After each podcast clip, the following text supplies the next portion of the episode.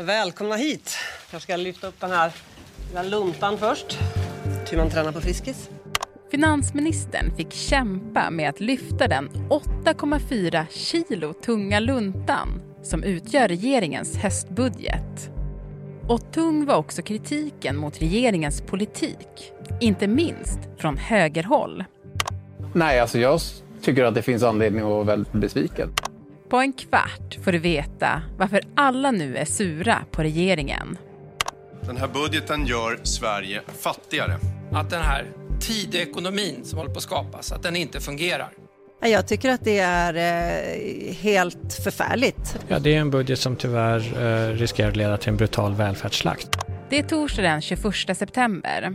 Det här är dagens story från Svenska Dagbladet med mig, Alexandra Karlsson och idag med Erik Hedtjärn, politikchef på SvD.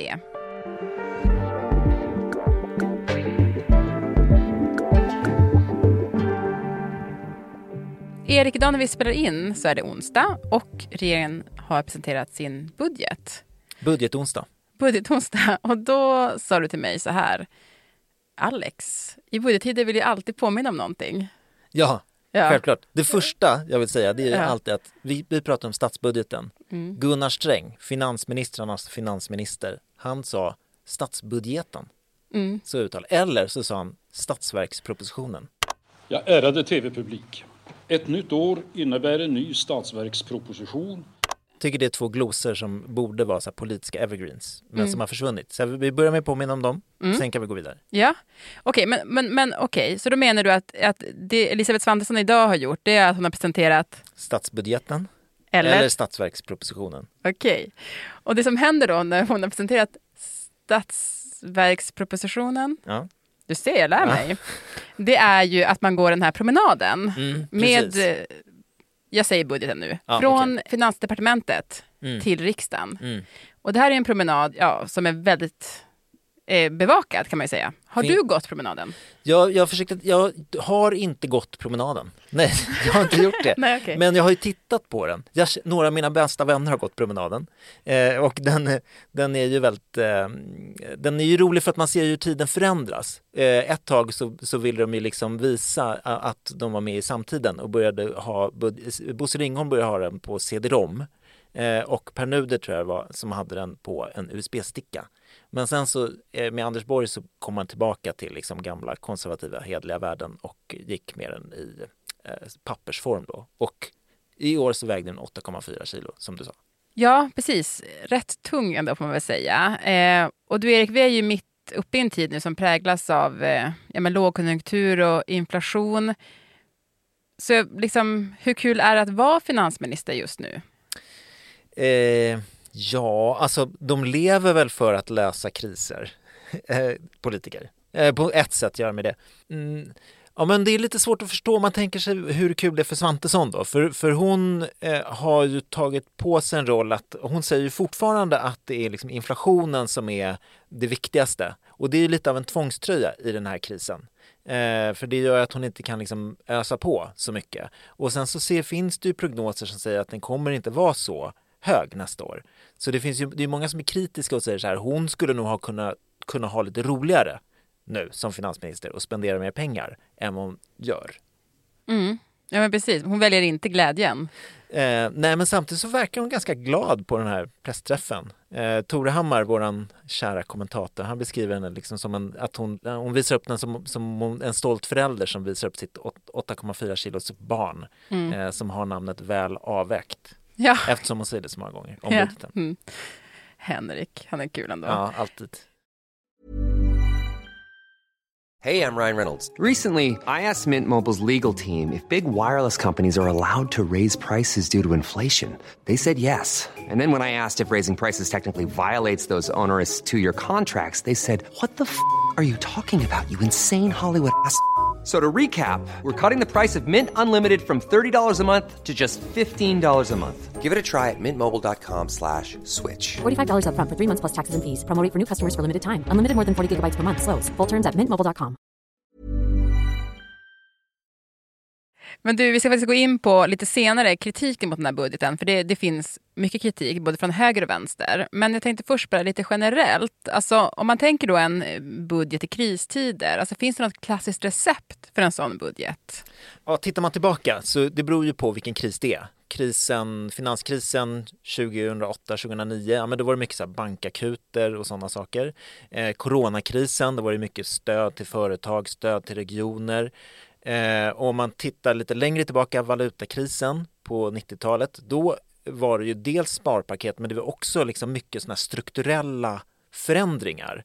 Eh, att man ändrade hela sättet som statsbudgeten togs på så att man inte skulle dras med överskott och man satte de här överskottsmålen och man började, ja men man gjorde massa saker som, som, som skulle se till så att vi inte hamnar i de här kriserna igen. Och det finns just de som säger det nu, att här missar man en chans att göra strukturella reformer. Det, det finns inte riktigt med här. Mm. Ja, men om vi skulle stanna då vid den här budgeten som presenteras idag när vi spelar in eh, och gå igenom några av de viktigaste punkterna i den. Alltså, vilka är det? Du kanske kan göra en liten lista? Man kan väl säga så här, jobbskatteavdraget är de ju noggranna med själva att lyfta fram. Det är liksom en stor budgetpost. Alltså en skattesänkning för låg och medelinkomsttagare kan man säga. Och sen så har vi bränsleskattesänkning. Mm. Väldigt, liksom, kostar mycket pengar. Eh, får man ju se hur mycket det blir vid pump som man säger.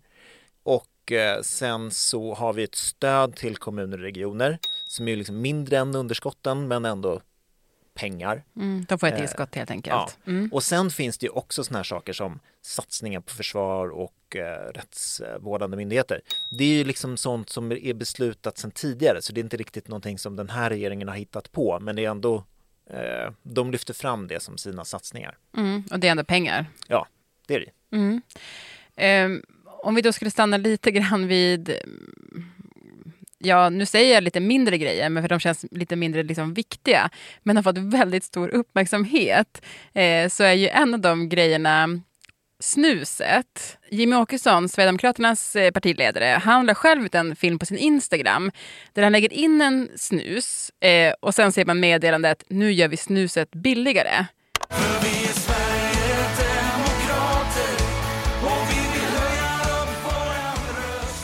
och, och, till den här låten då. Det var liksom, det var, det var, det var det man såg. Och han själv såg ju otroligt lycklig ut faktiskt, harmonisk. När han snusade? Ja. Vad intressant, för jag har inte sett den där filmen. Nej. Eh, ett av mina favorit liksom, ögonblick, politiska ögonblick, det är ju när Ulf Dinkers, nu är vi 90-tal, ja. Ulf Dinkelspiel, EU-förhandlare, har räddat det svenska snuset och i Aktuellt så tar, stoppar han in en bak liksom snus och man ser att han har ju aldrig snusat förut och det bara rinner så det är det här med politiker som använder snus, det är en så här kär visa. Eh, för det är något sätt att man, man signalerar någon sorts folklighet för folk, folk snusar mm, Folk älskar snus. Men mm. det här är, nu blir ju, man sänker ju skatten på snus då så det blir billigare. Mm. Varför gör man den här sänkningen? Nej men alltså det finns ju alltid såna här, eh, vad ska man säga, eh, symbolfrågor som, eh, som kan få, som du är inne på, som får större uppmärksamhet än vad de kanske på ett sätt förtjänar. Eh, det, vad är liksom bilden 10 miljarder till kommuner? Vad visar man? Ja, kanske en undersköterska. Det pratar ju för sig Svantesson om. Men det finns ju någonting underbart konkret med en prilla. Eh, och på det sättet så har det ju liksom som budskap så har det ju ett värde. Eh, på samma sätt som kanske x antal öre på bensinen man kan, man kan föreställa. Vad betyder det för mig? Hej, jag Ryan Reynolds. Recently, I asked Mint Mobiles legal team if big wireless companies are allowed to raise prices due to inflation. They said yes. And then when I asked if raising prices technically violates those onerous two-year contracts, they said, what the f*** are you talking about, you insane Hollywood ass?" So to recap, we're cutting the price of Mint Unlimited from $30 a month to just $15 a month. Give it a try at mintmobile.com slash switch. $45 up front for three months plus taxes and fees. Promoting for new customers for limited time. Unlimited more than 40 gigabytes per month. Slows. Full terms at mintmobile.com. Om vi tar och stannar upp lite grann, eh, Erik. Eh, jag tänkte att vi skulle fokusera lite på klimatet nu. Eh, och jag tänkte att vi skulle börja med att lyssna på statsminister Ulf Kristersson eh, som sa så här i regeringsförklaringen förra veckan. Sverige ska föra en ambitiös och effektiv klimatpolitik för att nå klimatmålen. Och samtidigt visar budgeten som släpps idag då att Sverige missar klimatmålen. Hur går det ihop? Ja, det går ju inte riktigt ihop eh, och det är väl det som eh, har varit lite besvärligt för regeringen. De har ju liksom dragits med det här nu under den här försäsongen innan budgeten presenteras så, så kommer man ju berätta om olika del Eh, ja, man släpper den i, i, delar och då har, har ju vi journalister hela tiden ställt frågan så här, vad, vad blir effekterna då uh, uh, i relation till klimatmålen om man sänker bensinskatten och då så sa uh, Ebba Busch till exempel att nej men vi har inte räknat riktigt på det än.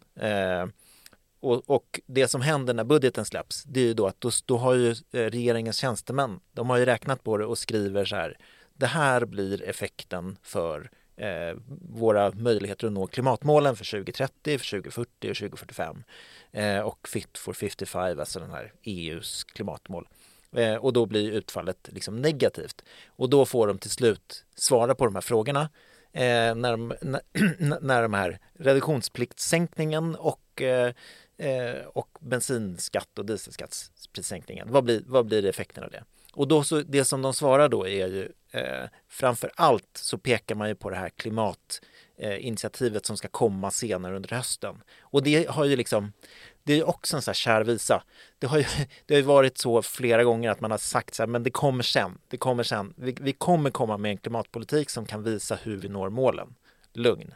Eh, och eh, ja, det blir ju verkligen, verkligen, en, alltså ju längre man håller på så blir det ännu mer liksom upp till bevis. Det blir väldigt intressant att se vad de kommer med, för det blir också, det framstår ju som väldigt svårt att nå och se vilken politik som de ska liksom presentera som ska ta oss till de där klimatmålen. Men de, de säger fortfarande att de håller fast vid att vi ska dit. De har inte övergett dem än, även om man liksom kan så här, ana någon sorts, det är inte lika liksom benhårt löfte att vi ska nå dit som det var för kanske två år sedan. Mm. Men så att vi ska hålla ögonen öppna då i höst för att de ska komma med svaret på det hur man ska nå? Absolut. Det lär vi ju inte missa när det kommer. Det kommer att vara en stor nyhet. Ja, vad bra. Då kanske du får komma tillbaka, ja. Erik.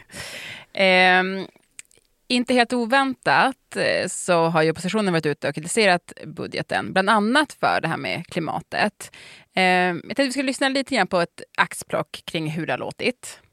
För det första, den här budgeten gör Sverige fattigare. Man svarar inte på tillväxtkrisen med någon sammanhängande politik alls. Och det vi ser är ju att det är en nattsvart budget. Och man skapar en alldeles självförvållad kris i klimatpolitiken med unikt stigande utsläpp. Det är en eh, budget som eh, riskerar att leda till en eh, brutal välfärdsslakt runt om i eh, våra regioner och kommuner. Usch.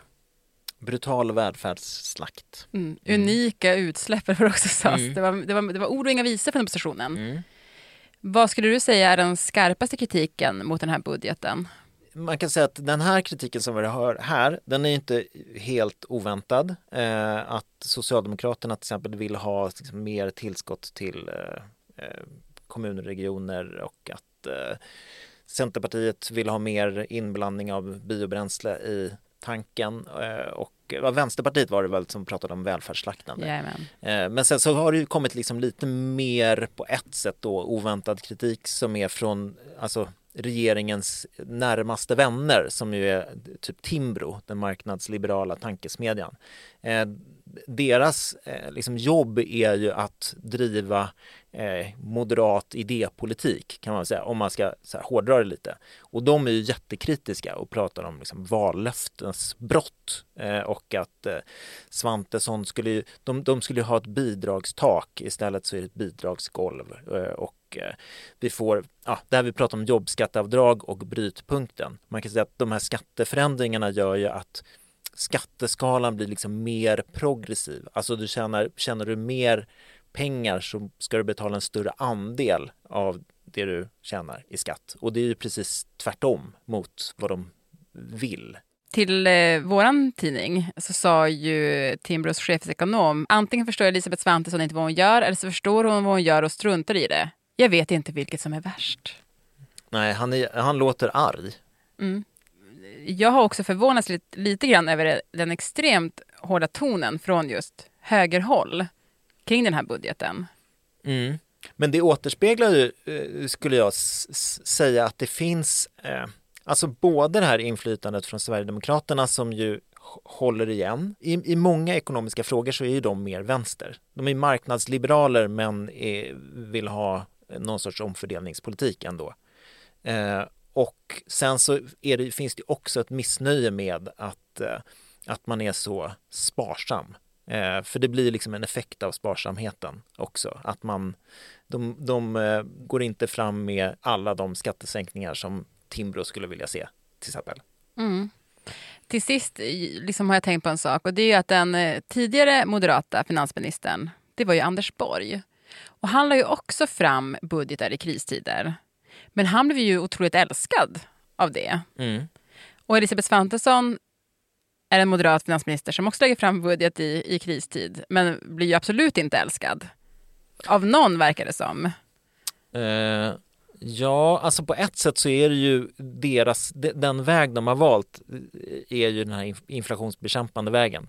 Uh, och i betydelsen att vi inte ska göra av med mycket pengar. Uh, så de kan inte, de gör inte så mycket. Det är väl det. Mm. och då då liksom bromsar man sig in i det här istället för att här, ha en så gasig eh, krishantering. Mm.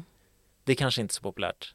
Men om vi land, alla landar på fötterna sen och sen så går räntan ner så blir så kan folk låna pengar ja. eller ha råd med sina bostadslån i den mån man har det. Mm. Ja, de har mycket att göra.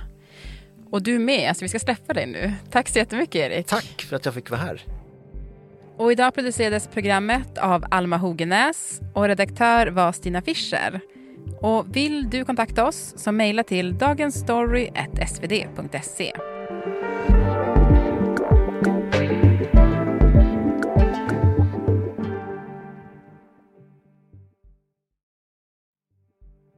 Och klippen i programmet idag de kom från SVT, SR och Aftonbladet.